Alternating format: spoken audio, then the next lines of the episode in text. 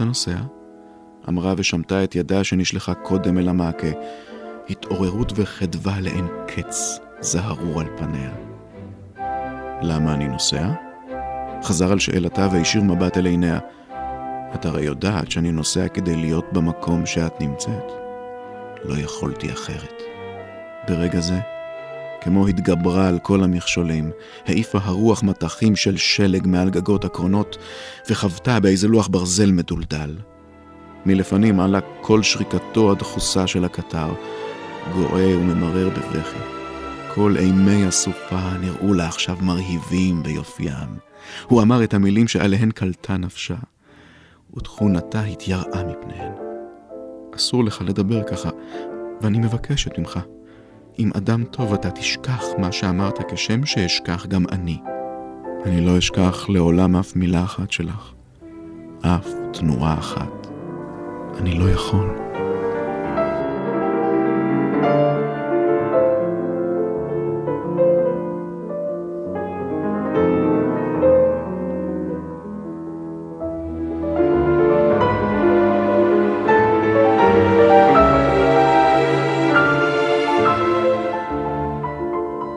מילים שמנסות לגעת, והפעם אנה קרנינה, מאת לב טולסטוי.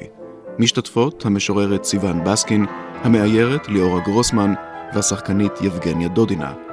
קטעי קריאה יבגניה דודינה וזוהר סדן. מראיינת ועורכת רותי קרן.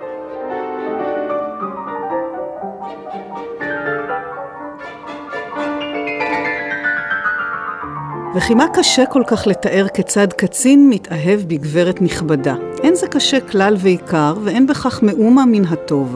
זה רע וחסר תכלית. אלו המילים ממש, אותן מלמל תוך שהוא מקמט את גבות עיניו, הסופר לב טולסטוי לנוכח הצלחתו הכבירה של הרומן המונומנטלי אנה קרנינה, שרואה אור בנוסח הסופי והמתוקן בתחילת 1878. יצירת המופת אוזלת חיש בחנויות הספרים, הביקורות מהללות ומשבחות, וכל נשות החברה הגבוהה מרגישות עצמן בדרך זו או אחרת כאחיותיה של אנה קרנינה המקסימה והאומללה. ואילו הסופר מערער על גדולת יצירתו. אז שלום לאורחותיי הנכבדות, המשוררת סיוון בסקין, המאיירת ליאורה גרוסמן, השחקנית יבגניה דודינה שתתארח כאן בהמשך. אז לכאורה צודק הסופר, באמת סיפור פשוט. גבר צעיר ויפה ומוצלח, מתאהב באישה מופלאה שאף היא מתאהבת בו, אלא שהיא אישה נשואה, אם לילד, ובחברה דאז מדובר בשערורייה. יש כאן בכל זאת קצת יותר מזה. ראשית, אין זו אהבה רגילה, אהבה טרקלינית חטופה וקלילה, מדובר באהבה גדולה מן החיים, יחידה במינה, כזאת שישנה אולי רק ברומנים, ומכאן מובל סיפור אהבתם הגורלי של אנה ווורונסקי אל האבדון. איזה תענוג. אז... תלוי למי. מה כל כך קשה בכתיבת סיפור שכזה, טועה טולסטוי? אנחנו יודעים שכתיבתו ארכה למעלה מארבע שנים, שהיו נוסחים קודמים לגרסה הסופית, שהדמויות הראשיות עברו שינויים אה, מהותיים, אפילו הסיפור עצמו, שהיו אין ספור תיקונים שהובהלו אל בית הדפוס גם לאחר אה, משלוח הדפים המתוקנים בנוסחם הכמעט סופי, ומעל הכל הסיפור הזה, שאולי ניתן למצות אותו בכמה מילים, משתרע על פני למעלה מאלף עמודים, והוא כל כך רחוק מלהיות פשוט, שכן, קשה לתאר קצין שמתאהב בגברת באופן הזה. אז מה באמת ייחודו? מה גדולתו וקסמו של הרומן הזה? מה אתן מרגישות כלפי היצירה הזאת? כאן מדובר באשת חברה שמתאהבת בקצין, אחרת לא היו קוראים לספר אנה קרנינה. ומעבר לזה, הספר בא לבדוק איזושהי סכמה של אהבה גדולה מהחיים. אחד מהאתוסים של התרבות המודרנית, שגם היום כאילו מבלבלים איתו לילדות קטנות ורקות את המוח. בעינינו האהבה הגואלת היא הקונספט הנכסף. ואני באופן אישי חושבת שגם הסופר, גם אני, אה, מבקשים להתעמק בזה ולערער את האקסיומה הזאת מעט. גדולתו של הרומן בשבילי, שטולסטוי בספר הזה שם את האצבע על הנקודה הכואבת מכל. זה שגם אהבה מאושרת מכל, וגם אהבה בתוך נישואין מאושרים אפילו, או יחסי מאהבים מאושרים ביותר, היא בבסיסה נכזבת, קודם כל לאישה. ואני לא יודעת אם מישהו אי פעם אמר את זה לפניו, אמרו אחריו, את זה אני יודעת. אתן מתישהו חלמתם אה, להיות, ואפילו לזמן קצר, או לפחות לחוות אהבה שכזו כמו של אנה קרנינה? אני בוחרת לא לסיים את חיי על הפסים, ואני חושבת שבחרתי את זה כבר מגיל צעיר מאוד. יחד עם זאת, אה, כמובן, הרי גידלו אותנו על זה. מדובר על הקונספט של האהבה הגואלת, זה משהו כל כך בסיסי, החל מהרומן של המאה ה-14, של ימי הביניים ועד ימינו. את uh, תתאהבי עד מעל הראש, ואז את תתחתני, וזהו. וזאת אומרת, ניצוצות של אושר וזיקוקים כאילו יופיעו בחייך עד סופם. גדולתו של הרומן הזה היא במודרניות שלו, היא בזה שהוא כל כך נכון גם היום מהנקודה הפוסט-מודרניסטית שבה נשים הם כבר לא אותה אישה שמתעסקת בחיי החברה שלה ובילדים שלה. שמעתי שטולסטוי היה מעין שוביניסט על, על פי האופן שבו אה, בני תקופתו היו שוביניסטים, היה את הקונספט הזה של שלושת הקיים, קירכן, קיוכן, קינדר, זאת אומרת הכנסייה, הילדים והמטבח, שבהם אישה צריכה לעסוק. אנחנו כבר לא במקום הזה, אבל עדיין נשים מצליחות, נשים אה, נפלאות, נשים עם חיים מלאים ביותר בכל מיני דברים, עדיין מרגישות שהאהבה תגאל אותן. שימו לב שהטרגדיה בספר הזה היא טרגדיה נשית. הרי ורונסקי כל הדרך כמעט עד הסוף לא נפגע, או כמעט לא נפגע. גם בשבילו זו אהבה מאוד גדולה, היא נוגעת לליבו, היא חשובה לו, אבל uh, הוא לוקח על עצמו אולי uh, מאית מהמסע מה, שלוקחת על עצמה אנה. בכל זאת, אבל הוא מנסה להתאבד באיזשהו שלב. הוא מנסה להתאבד באיזשהו שלב. אך כדרכם זה... של גברים, הוא לא מצליח. כמובן, כמובן. אז uh, מהאהבה כשלעצמה, הוא כל הדרך יוצא במצב לא רע. ואילו אנה רק אה, הולכת מדחי אל דחי. מכיוון שזה סיפור שבעיניי, זאת אומרת, אה, מוזר אולי ככל שזה יישמע, לא בהכרח עוסק באהבה. אנה היא אישה שממוקמת בתוך התקופה שלה. תקופה שבזה לנשים כמוה. יש בספר סצנה נהדרת שבה אנה מתעקשת ללכת לתיאטרון. למרות שהיא כבר עם ורונסקי ונולדת לה הילדה אה, הלא חוקית. והשערורייה מתפוצצת והיא מתעקשת. היא מורדת אמיתית. היא, והיא יודעת מה מצפה לה שם. היא יודעת בדיוק מה מצפה לה שם. זאת אומרת, כאשר סביבה אנשים עוזבים את התאים. זאת אומרת, היא סובלת מנידוי חברתי מאוד קשה שהוא אופייני מאוד לאותה תקופה. אנחנו חיים בתקופה שבה אה, גירושים הם לא סיבה לאות קלון. לא גירושים ולא רומנים... אה, כאשר זה כאמור באמת לא רומן, כאילו באותה תקופה היו, אני מניחה, רומנים בתוך הנישואים, אבל הם היו מאוד מאוד חבויים ולחששו עליהם בטרקלינים. אנה הלכה עם זה עד הסוף, ובעיניי ההתמודדות שלה זה עם החברה, עם המוסכמות, עם uh, הקונספט הזה של האם צריך לנדות אותה בגלל כל מה שקרה, ולאו דווקא אהבה פר סי. שימו לב גם לאח שלנה, לסטיבה אובלונסקי, שהוא מתנהג הרבה יותר גרוע ממנה בתכלס, כן? הוא לא מפסיק אה, לבגוד באשתו, כל מיני סיפורים מהצד, ומקסימום הוא מקבל קצת על הראש מדו לאשתו, ובסופו של דבר הוא נשאר במשפחה, הוא איש מכובד, הכל בסדר, לא קורה לו שום דבר רע. וזה ההבדל בעצם בין uh, גברים לנשים. כן. וזה גם ההבדל בין uh, ההבהבים של אובלונסקי ל... לאהבה הגדולה של אנה. אני חושבת שהספר כן מעלה שאלות מרכזיות לגבי האהבה, לגבי התשוקה, לגבי קשרי נישואין, זוגיות, מעמד האישה, כללים חברתיים, יחסי מעמדות. מערכות יחסים שונות, קשרי הורים וילדים. בגלל זה הוא רומן אפי. כן, באמת אה, מקיף מנעד אנושי רחב. אבל אולי מה ששזור ומוביל כל אחד מן המרכיבים האלו זה החיפוש אחר המשמעות לחיים, איזושהי תוחלת, איזושהי, בצורה פשטנית, העניין. אבל מאוד מזוקקת, לחיות. ממש בפתח הספר אומר סטפן ארקדיץ', אחיה של אנה, לחיות לפי צורכי השעה, כלומר להסיח את הדעת בחלומות כבר אי אפשר, ומכאן שיש להסיח את הדעת בחלום החיים. אז אנה מנסה לחיות עד תום. וגם ורונסקי מחפש את הדרך לחיות, ושניהם מאמינים שהם יוכלו לעשות את זה רק באמצעות האהבה.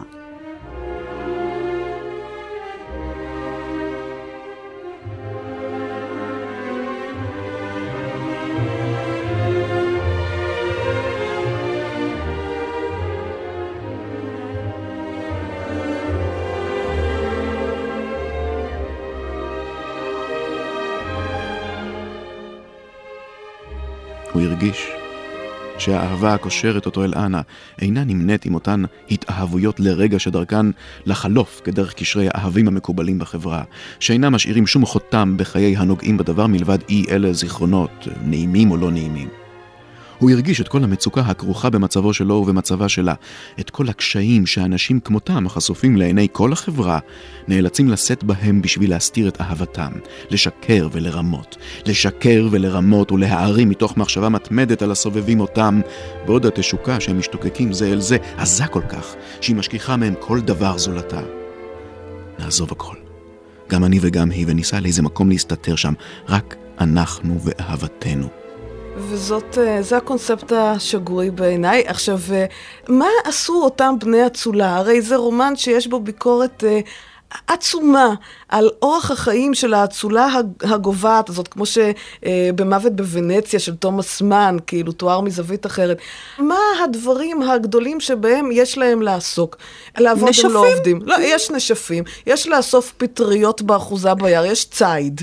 ההתעסקות האינסופית הזאת בטפל, במשהו שלא ממלא אותך, יוצר את הצורך בדבר הענק הזה, שאת יודעת, כאילו בסופו של דבר, אה, אני לא יודעת אם זה באמת אה, מספק את הסחורה. קחו לדוגמה את דולי, יש את הסצנה הזאת שדולי נוסעת לבקר או, את אנה, היא נוסעת לבד, והיא... בדרך הלוך היא מאוד uh, מפנטזת על איך היא הייתה יכולה להיות בלי כל הדאגות של הילדים, ולהיות צעירה ויפה, ונשפים ורומנטיקה וזה. ובדרך חזור היא מבינה שבעצם כמו שהיא, האדם הרבה יותר שלם ומאושר. כן, אבל בדיוק במונולוג הזה הפנימי שלה, כשהיא מבקרת את אנה, וזה קורה אגב לקראת סוף הרומן, היא בעצם מעבירה שם את הרצון הזה שלה לחיות, ושהיא אולי פיקששה את זה, שהיא עברה ליד החיים ולא דרך החיים. היא אומרת, אולי הייתי צריכה לעזוב את בעלי כדי לקבל הזדמנות לאהוב ולהיות נאהבת באמת. אה, היא מתחילה לדמיין מה היה יכול להיות עם כל מיני גברים אחרים, אה, פרשות אהבה דמיוניות, פרשה דומה לזו של אנה, והיא מבינה בעצם שהיא לא חיה. ומעניין הוא שדווקא אנה, באותו המפגש, דווקא אנה היא זאת שתוהה ומציבה סימן שאלה, שואלת שם, האם אני חיה בכלל? האם אני חיה בכלל? לא, אני לא חיה, אלא מחכה לפתרון שכל הזמן רק נדחה ונדחה. שוב לא באה תשובה. וסטיב אמר שאינו יכול לנסוע אל אלכסי אלכסנדרוביץ', ואני לא יכולה לכתוב לו שוב, לא יכולה לעשות כלום, להתחיל כלום, לשנות כלום. אני מתאפקת, מחכה, ממציאה לכל מיני שעשועים. המשפחה שלי אנגלי, כתיבה, קריאה, אבל כל אלה הם רק אשליה, כמין מורפין. אם אתם מכירים את המסע הנפלאה של אה, מרינה צוותאייבה, דווקא על פושקין, זה נקרא פושקין שלי ויש לי אותו פה בתרגומה של רינה ליטווין, היא מדברת שם על טטיאנה, הגיבורה של אה, יבגני אונגין, אה, ומשווה אותה לאנה קרנינה, והיא אומרת את הדבר הבא על טטיאנה: כל הקלפים היו בידיה, אחי לא שיחקה, כן, כן, בנות, התוודענה ראשונות, ואחר כך הקשבנה לדרשה, ואחר כך ינשאנה לפצועי מלחמה מאותרים, ואחר כך הקשבנה לווידויים, ואל תיעתרנה להם, ותהיינה מאושרות עשרות מונים יותר מהגיבורה האחרת שלנו. זו אשר בהתגשם כל משאלותיה לא נותר לה עוד דבר מלבד להישכב על פסי רכבת. וזה מבט של אישה, של אה, אישה ומשוררת, שרואה את זה ככה, לא כעונש, אלא כאיזשהו מבוי סתום, האסון שאליו אה, מביאה הרוויה הזאת. זה לא סיפור על אהבה, זה כמו שזה סיפור על חוסר משמעות. על חוסר משמעות קיומית כל כך עמוק. זאת אומרת, האופן היחידי שמוצע לגיבורה באותה תקופה ולגיבורה הספציפית הזאת זה הדבר הזה, היא משיגה אותו, את האהבה המפעימה הזאתי. ואין דלתות נוספות שאפשר לפתוח. אני לא. לא בטוחה שהוא מציג את האהבה של אנה וורונסקי כאהבת נצח, אפילו בהתחלה. לא כלומר, כאהבת נצח, כאהבה גדולה מהחיים. אהבה גדולה מהחיים, אבל שידוע מראש שהיא מובילה לאבדון. זה לא סתם שבפגישה הראשונה שלהם ברכבת, היא אחוזה בבהלה מאוד גדולה, כי היא יודעת מראש שזה יוביל למקום רע. כלומר, אין שם שום אשליה שזה הולך להיות uh, סיפור של ה-happily ever after.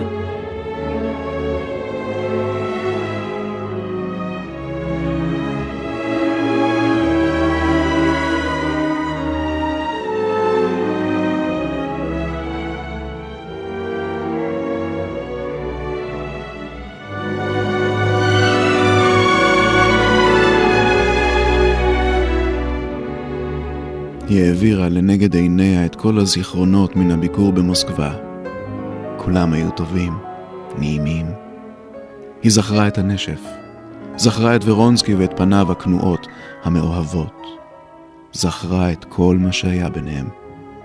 שום דבר מביש לא היה בכל אלה, ובכל זאת, דווקא כאן, בקטע זה של הזיכרונות, התגבר ברגש הבושה. כאילו דווקא כאן, כשנזכרה בוורונסקי, אמר לה איזה קול פנימי, חם, חם מאוד, בוער. היא חשה שעצביה הולכים ונמתחים, כמיתרים שקצותיהם סבים על ברגים.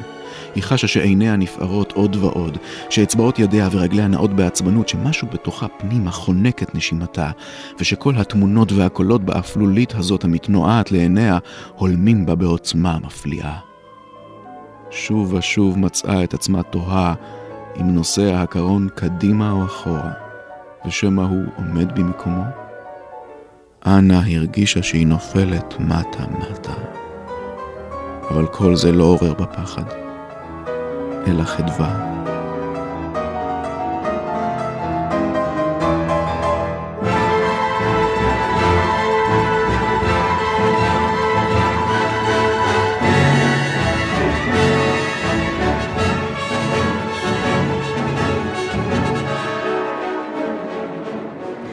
עכשיו, השאלה שלי אם אנה היא באמת אה, דמות מציאותית, או שהיא פנטזיה שטולסטוי אה, הצליח להכניס ל, לראש שלנו. כי שימו לב, הוא עצמו נותן לאחת הדמויות להגדיר את אנה כדמות ספרותית. היא אומרת שאת ממש גיבורה של רומן, ושאילו הייתה גבר היא הייתה עושה אלפי שטויות בגללך.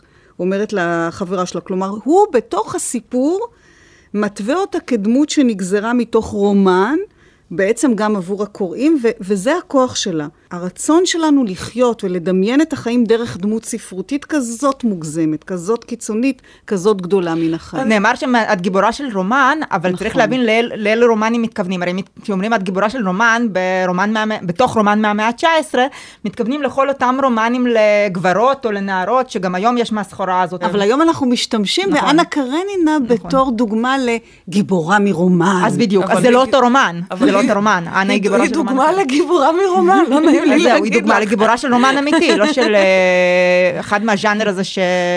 כן. מזכיר מי שאומר לה את זה בספר. אני חושבת שאנה היא לא דמות מוגזמת, אני חושבת שהאהבה שלה היא גדולה מהחיים מפני שהיא חווה דבר מאוד מאוד גדול. מה שמקסים בה זה שהיא פועלת על פי זה, היא הולכת עם זה. בניגוד למיטב שיקול דעתה, למיט... ללחץ של התקופה, ללחץ של החברה שבתוכה היא חיה. היא לכודה בנישואים לא מאושרים לגבר שהיא נאלצה להתחתן איתו מטעמים כלכליים. אין לה דרך לחלץ. גירושין is no option. אגב, שימו לב שזה מתרחש אה, ונכתב ממש דקה לפני ששחרור האישה איכשהו מתחיל, כן?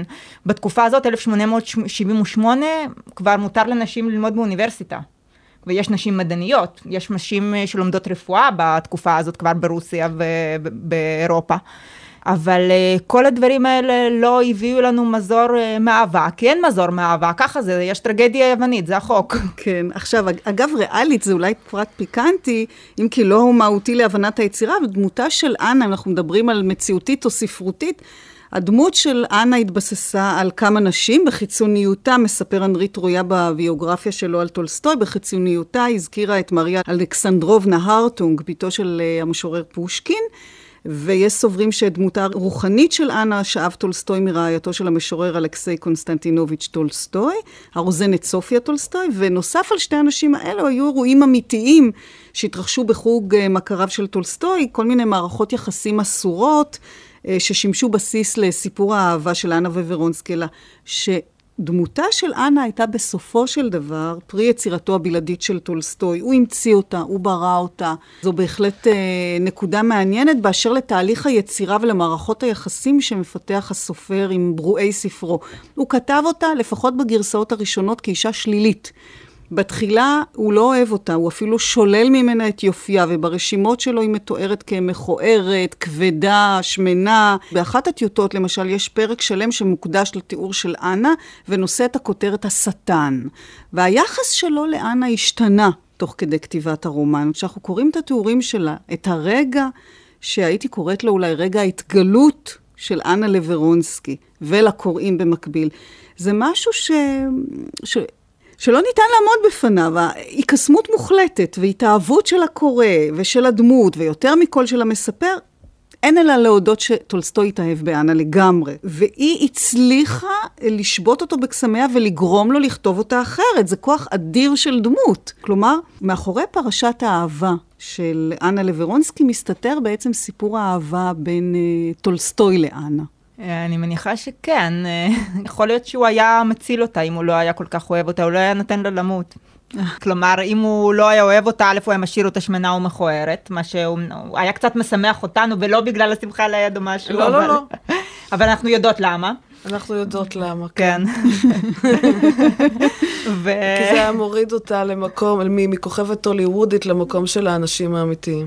למעשה, אנחנו הקטנים, גם אין לנו סיכוי לאהבה הענקית הזאת שמתוארת. לכן, אולי אנה היא, היא באמת, כמו שאת אמרת, דמות כל כך אה, אה, ספרותית, דמות מתוך רומן. היא דמות מתוך רומן לא בגלל שהיא מתנהגת באופן גדול מהחיים, מפני שהיא מאופיינת כמין משהו שאנחנו לא יכולים להשיג. אבל בכל זאת, אנחנו רוצים את החלום הזה. כי אנשים מגיבים בהתרגשות למשמע שמו של הרומן הזה, של הדמות הזאת, בגלל ששם זה כביכול קורה, הדבר הזה. תראו אפילו את המפגש הראשון של אנה ווורונסקי, זו לא התאהבות, זה, זה ממש עניין של חיים ומוות. זה קיומי.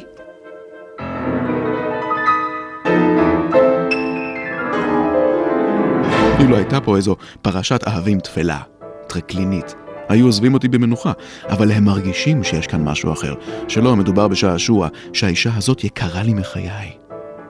זה נבצר מבינתם, ולכן הם רוגזים עליי, אבל יהיה גורלנו מה שיהיה, בהווה ובעתיד, אנחנו יצרנו אותו ולא נתלונן עליו.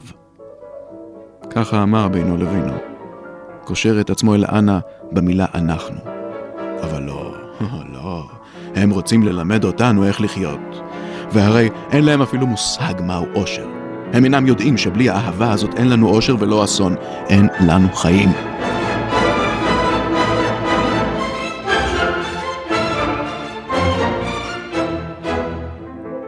מילים שמנסות לגעת, רשת א' של כל ישראל, אנה קרנינה מאת לב טולסטוי, באולפן ליאורה גרוסמן, סיון בסקין, יבגניה דודינה ואני רותי קרן.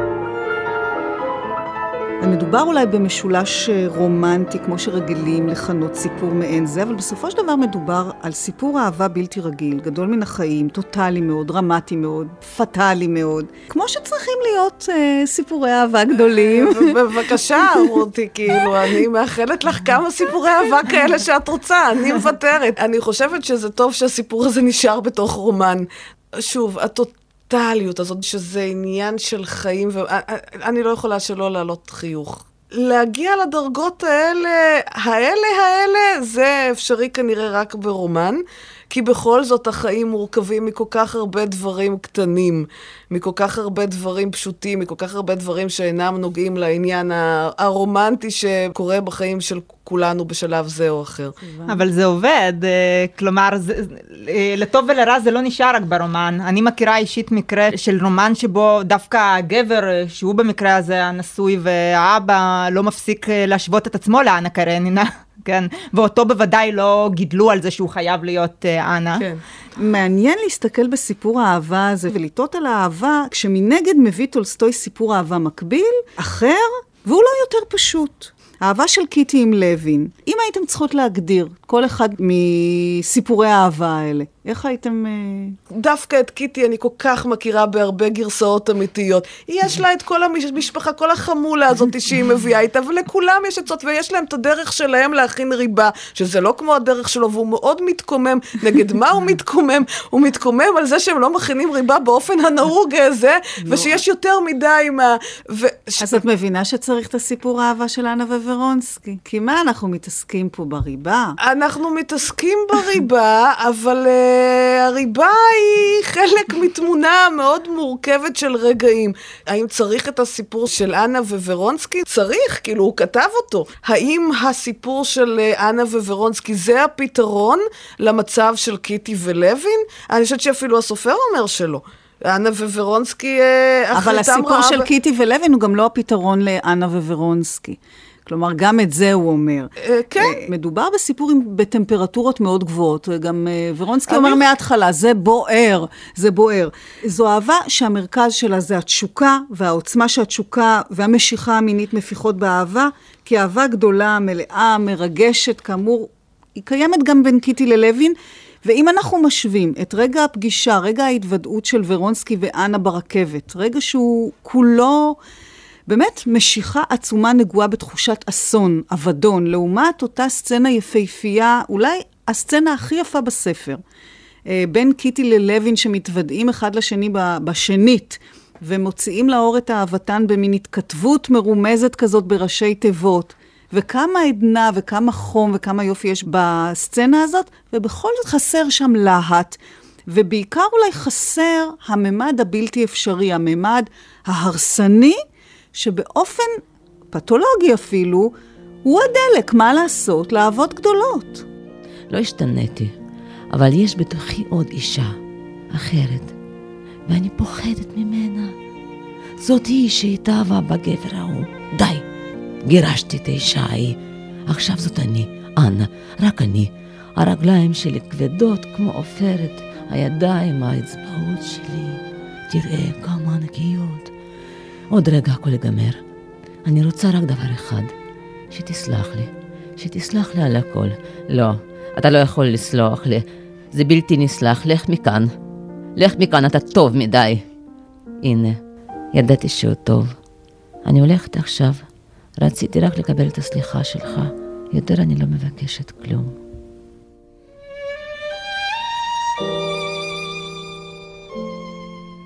יש משהו באהבה שלהם, שבאיזשהו מקום אני רואה בו אה, סוג של הרוח הרוסית כפי שאני הכרתי אותה.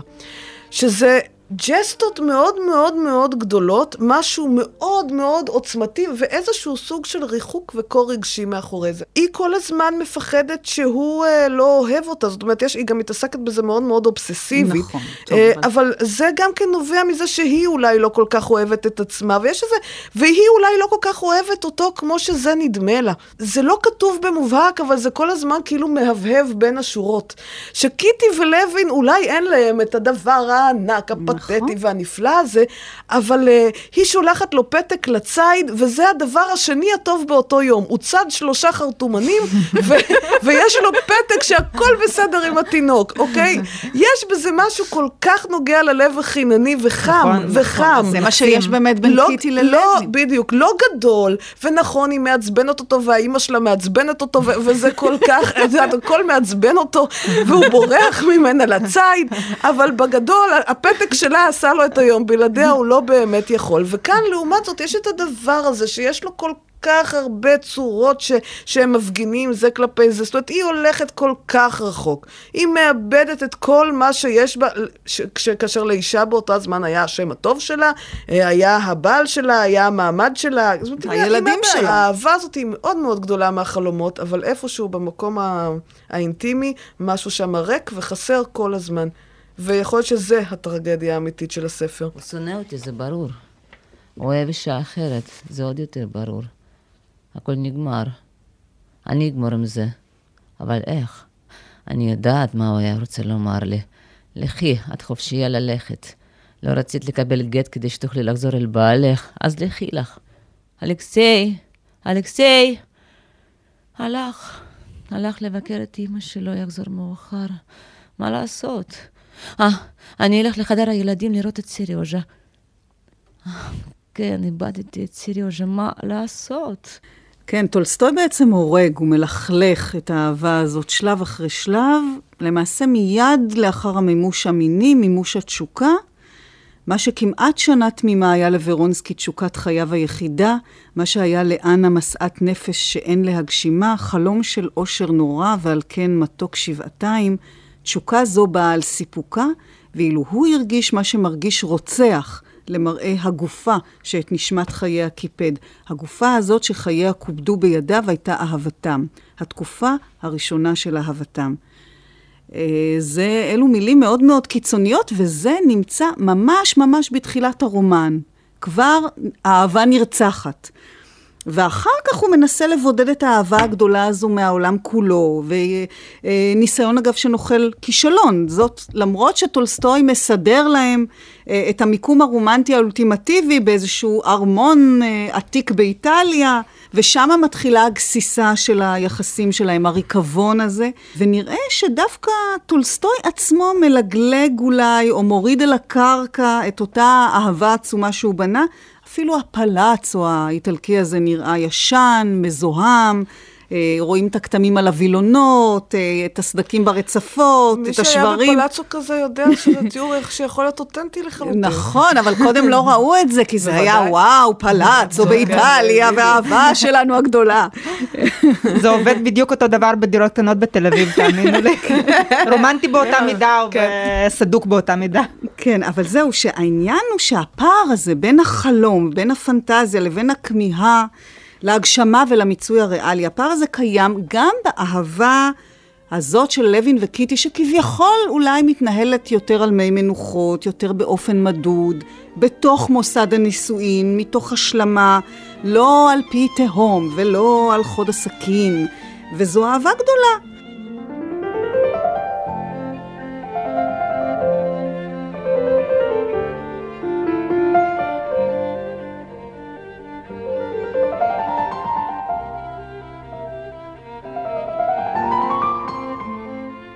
כל אותו הלילה וכל אותו הבוקר חי לוין חיים נטולי תודעה, והרגיש כאילו הופקע כליל מעולם החומר.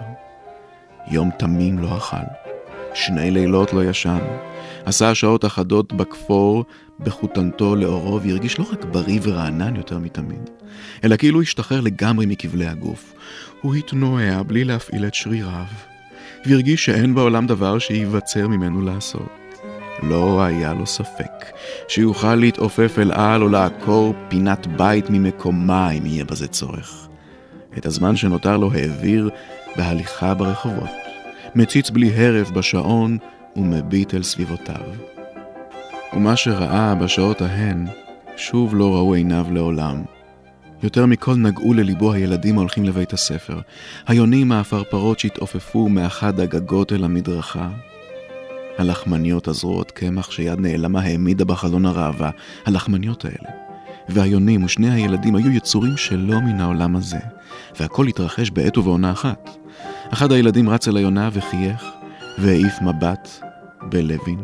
היונה שקשקה בכנפיה ופרחה לה, מתנוצצת בשמש בין פתיתי השלג הזעירים הרוטטים באוויר, ומן האשנב עלה ניחוח הלחם האפוי והוצאו הלחמניות.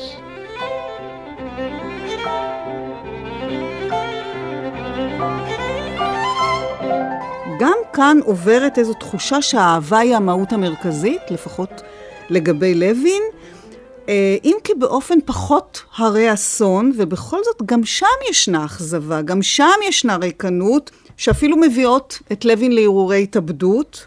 אלא שהיא לא מובילה לעבוד. שגם הם לא מצליחים, אני נכון, מניחה. נכון, לא, הוא לא מנסה אפילו. אבל כן, בסיפור... ההרהורים לא עולים יפה. בסיפור הזה זה לא מוביל לאבדון, והם נותרים בחיים. בעצם טולסטוי לא בא לטעון, תראו, האהבה האסורה, הלוהטת, הרוויה בתשוקת בשרים, היא אסון שנידון אה, לכיליון. הוא מקדש את האהבה הנורמטיבית, אם יש דבר כזה. לא. ההבדל היחיד הוא שהאהבה אחת מתה עם הגיבורים שלה, והאחרת איכשהו ממשיכה לחיות.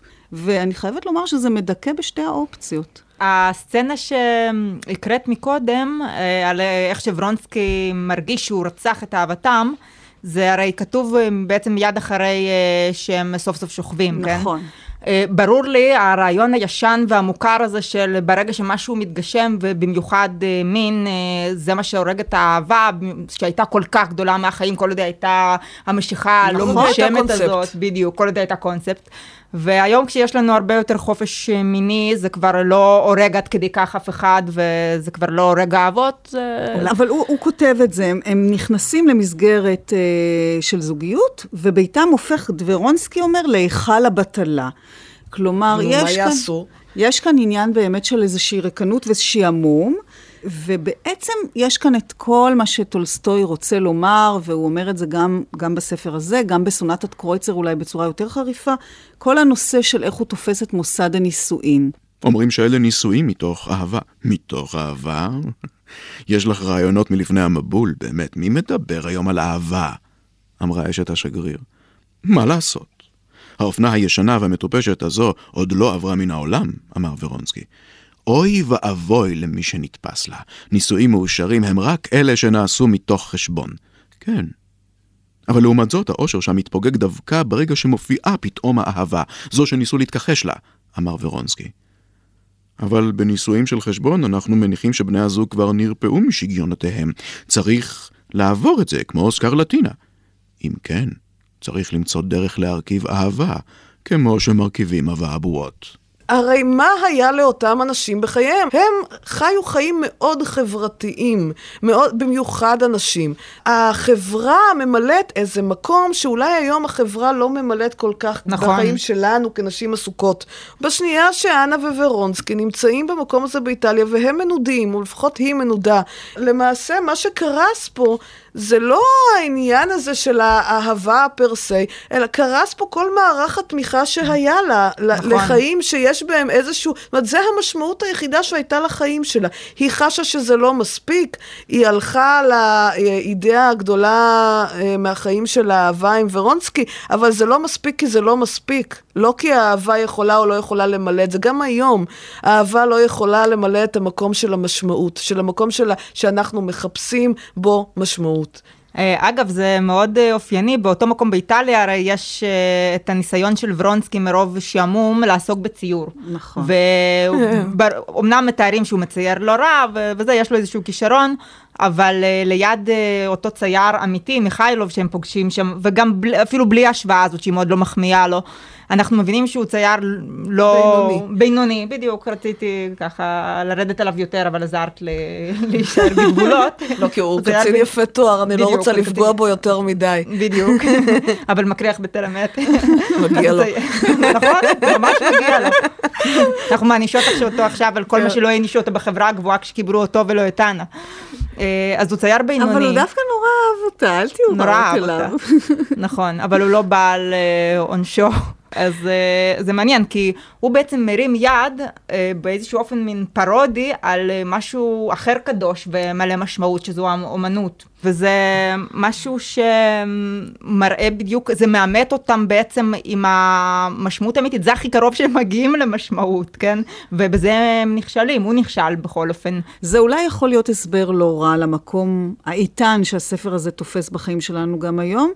היכולת להתקרב לחוויה הזאת באמצעות ספרות. אז אפשר להתקרב עוד קצת, ובימים אלו מועלית ההצגה אנה קרנינה בעיבוד לרומן של טולסטוי, ומי שבאמת עושה את ההתקרבות לחיים של אנה קרנינה ליותר ממשית, זו השחקנית אה, יבגניה דודינה, שמשחקת את אנה על במת התיאטרון. שלום לשחקנית יבגניה דודינה.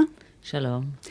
את מגיעה לכאן לאולפן הישר מחדר החזרות האחרונות להצגה אנה קרנינה, שתעלה בעוד מספר ימים כהפקה משותפת לתיאטרון הבימה ותיאטרון באר שבע. כן. בימוי של אילן רונן. כן. מתרגשת באופן מיוחד?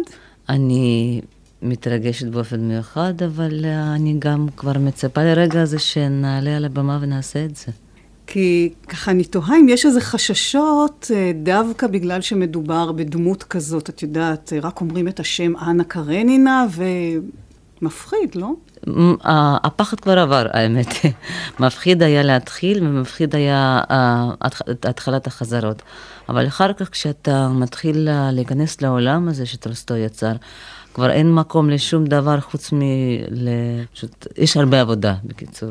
מה הפחיד אותך בהתחלה? שזה יצירה גדולה מהחיים, שזה דמות גדולה מהחיים, שהכל כל כך די מיתולוגי. באמת אומרים אנה קרנינה, כולם אומרים וואו, אין בן אדם נכון. שאומרים אה. אה. זה התגובה, אין, אפילו ילדים. איך התחושה אחרי שעות ארוכות כל כך, אני יודעת שאת שהית כל היום בחדר החזרות, כן. אה, לצאת אה, כאנה לרחוב, לחזור להיות יבגניה או לא?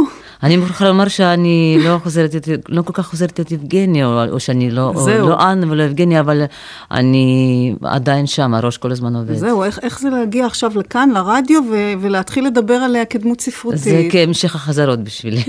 וזה גם, דרך אגב, למה פתאום את, זה, זה הפתיע אותי, כי יש איזו התעוררות גם לאנה קרנינה עכשיו, וגם לטולסטוי. נכון, יש עובדה... גם את הבלט עכשיו, עולה הבלט. כן, וגם ברוסיה עשו עכשיו סרט חדש, וגם עשו את מלחמה ושלום. והנה עובדה שאת uh, מכינה את התוכנית הזאת בלי, לא, לא התחשב, לא בגלל ההצגה שלנו, נכון. זה פשוט נפל ככה. פשוט התחשק לי. פשוט התחשק לך אנה קרנינה. אז כנראה שיש משהו באוויר, אנה קרנינה כנראה שם...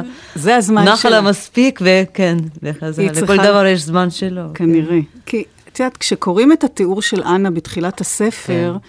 ואחר כך שוב, כשלוין פוגש אותה לראשונה ונכבש גם הוא, כן. זה ברור לגמרי שטולסטוי התאהב בדמות הזו לחלוטין. נכון. וכולם מתאהבים בה בספר. מה, מה את חשה כלפיה? מה הדבר שהכי כבש אותך בדמות שלה?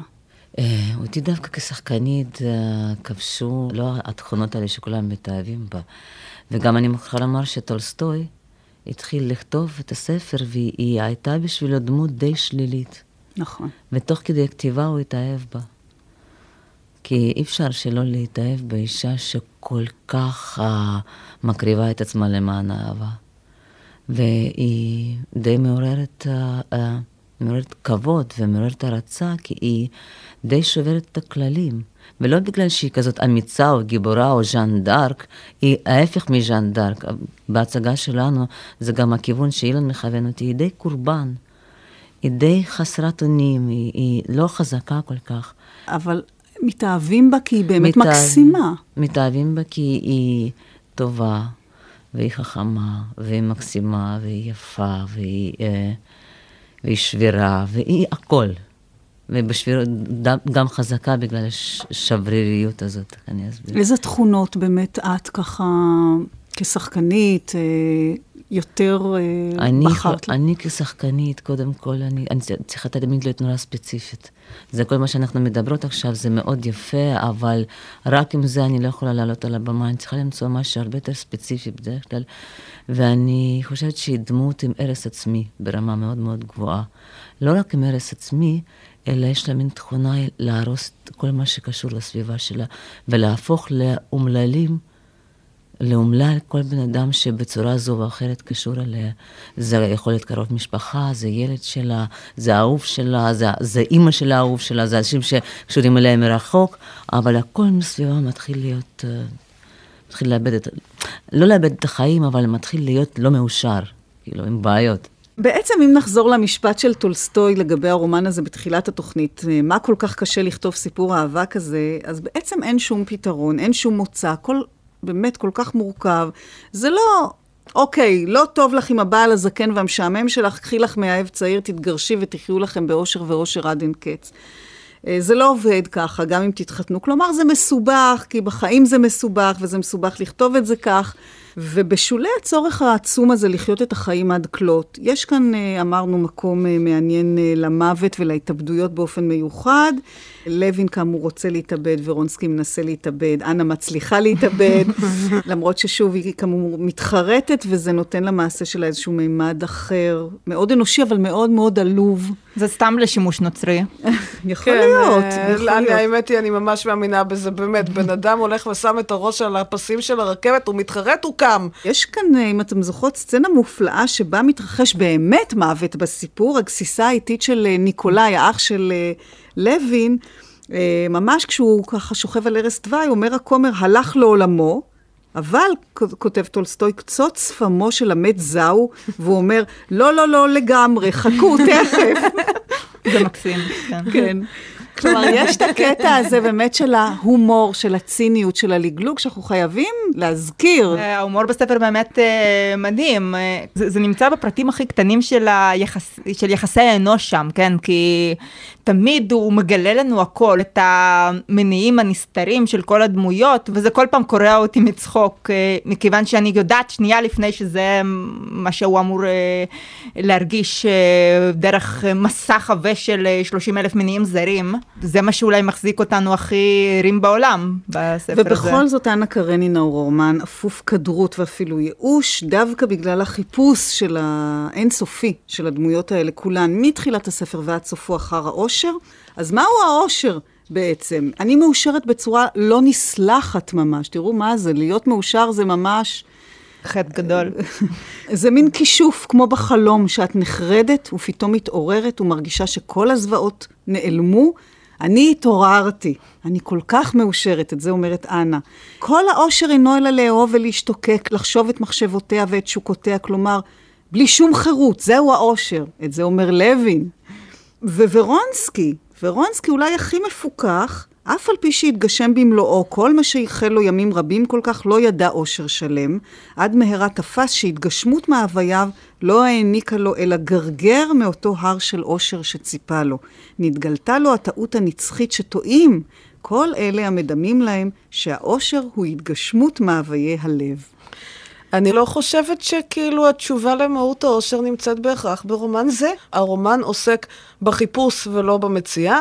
עצם העלאת השאלה הוא אה, מאוד מודרני. זאת אומרת, גם היום. עוד משפט בעניין העושר, כל המשפחות המאושרות דומות זו לזו, כל משפחה אומללה, אומללה בדרכה שלה. שלה, ובמשפט האלמותי הזה אה, פותח טולסטוי הרי את הרומן שלו, אנה קרנינה מקבע אולי את המשפט המפורסם ביותר ברומנים, כך נפתח הספר, ובסופו השאלה שנותרת אינה האם המשפחות המאושרות דומות זו לזו, אלא האם בכלל יש משפחות מאושרות. יכול להיות שהטעות היא בחיפוש הזה, החיפוש העקר הזה אחרי העושר.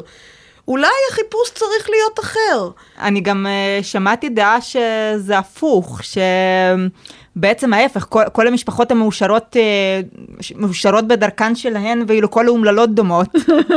וזה נראה לי שיש בזה גרעין של אמת. את, יבגניה, שגדלת על הספרות הזאת, את ודאי כן. מכירה את אנה שנים רבות, מכירה את מחשבותיה ואת התנהגותה בשפה המקורית שטולסטוי כתב כן. אותה. התחושות שלך כלפי הדמות, כלפי הרומן הזה בכלל, השתנו במהלך השנים? מאוד, מאוד, במיוחד עכשיו. זה גם לא ספר שצריך לקחת נשימה עמוקה בשביל לחזור לספר הזה שוב. וזה גם הגאונות של טולסטוי וגם הספר הזה, שמתי אה, שאתה לא קורא את זה, אתה כל, כל הזמן מגלה משהו חדש שם. וכל, וכל גיל מכתיב לך למצוא שם משהו חדש. אז באמת, כשקראתי את זה בילדות, באמת זכרתי את זה כסיפור אהבה אולטימטיבי, באמת לא מציאותי, אהבה, אהבה ורק אהבה. והאמת היא, כשמתחילים לקרוא את זה עכשיו, אז מגלים שהאהבה שם, האהבה והאושר זה נגמר נורא נורא נורא מהר. נכון. ואחרי זה מתחילה שרשרת של אי הבנות, סבל, גועל, אני לא מפחדת להגיד את זה, פשוט אה, משהו שבלתי אפשרי, בן אדם נורמלי לא יכול לעמוד בזה, זה גם לא, לא פלא שזה נגמר כמו שזה נגמר. למה הוא בחר ככה, את חושבת, בעצם, את יודעת, להביא את האהבה הבאמת הגדולה מכל, וברגע שהיא מתממשת, ברגע ש... היא לא ממש מתממשת, היא מתממשת על חשבון משהו. היא קודם כל, היא נהרסת בעצמה. זה לא איזה מאבק שלה עם הבעל, זה לא... היא, היא גם מתאבדת לא בגלל המאבק שלה עם הבעל, לא בגלל המאבק שלה עם המאהב, לא בגלל המאבק שלה עם הסביבה, בגלל המאבק שלה עם עצמה. כי ברגע שהיא מתמסרת לכל הסיפור והתשוקה הזאת, היא, זה גם כתוב בספר, היא מתגלה בה איזה בן אדם שני. שהמפלצת גודלת בה, האהבה שמתפתחת, גם המפלץ הזה מתפתח, והיא בעצם בורחת מעצמה. ידוע שנשים, אפילו קיטי, אפילו דולי כן. בסיפור, שלא לדבר על קוראות במשך השנים, אה, ראו ורואות אה, את עצמם, או חולמות בסתר כן. ליבן להיות אנה כזאת. אה, יש לך הסבר מדוע? הרי זו דמות טרגית. מה כולם... טוב, הן חולמות להיות אנה כשהיא במצב, במיטבה. את יודעת, אחר כך הן רק מרחמות עליה ומרכלות עליה. גם את חשת ככה פעם, אה, באמת רצון להיות אה, הדמות הזו? אה, היא דמות שלא יכולה, זה לא סתם, כי אנשים שומעים אנה קרנין ואומרים, וואו. היא באמת דמות שמעוררת את הוואו הזה. אבל זה, בחצי השני של הספר היא, היא מאוד טרגית, היא, היא קורבן. והעולם הזה, הדמויות האלה שטולסטוי בונה ברומן שלו, באיזה אופן מה שמצוי בספר mm-hmm. מפעיל אותך בעבודת המשחק עליה? יש דברים שאפילו אי אפשר להגיד אותם, אבל אני הרבה פעמים חוזרת וקוראת ואני מבינה את המבט שצריך להיות לה בסצנה מסוימת. את מבינה? זה מבט או, או צבע של קול, או אני יודעת, או תנועה מסוימת. לפני שנכנסנו, רון, רון וייס, הטכנאי, אמר לך, לא צריך לשחק את זה, צריך להיות את זה. הוא אמר, אי אפשר לשחק את אנה קרנינה, כי בגלל שצריך להיות אנה קרנינה. ועניתי לו שאם להיות, אי אפשר להיות אנה קרנינה. כי אם להיות אנה קרנינה, אז אי אפשר לחיות.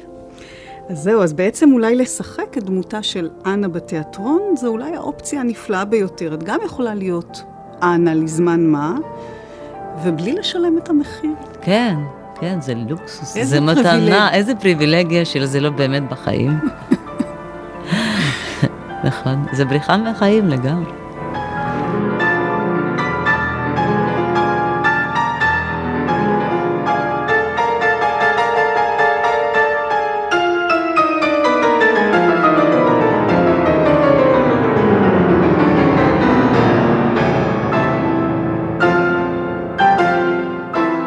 במילים שמנסות לגעת, שמענו היום שיחה על הרומן אנה קרנינה מאת לב טולסטוי, שראה אור בתרגומה של נילי מירסקי בהוצאת עם עובד. השתתפו המשוררת סיון בסקין, המאיירת ליאורה גרוסמן והשחקנית יבגניה דודינה. קטעי קריאה יבגניה דודינה וזוהר סדן. ראיינה וערכה רותי קרן.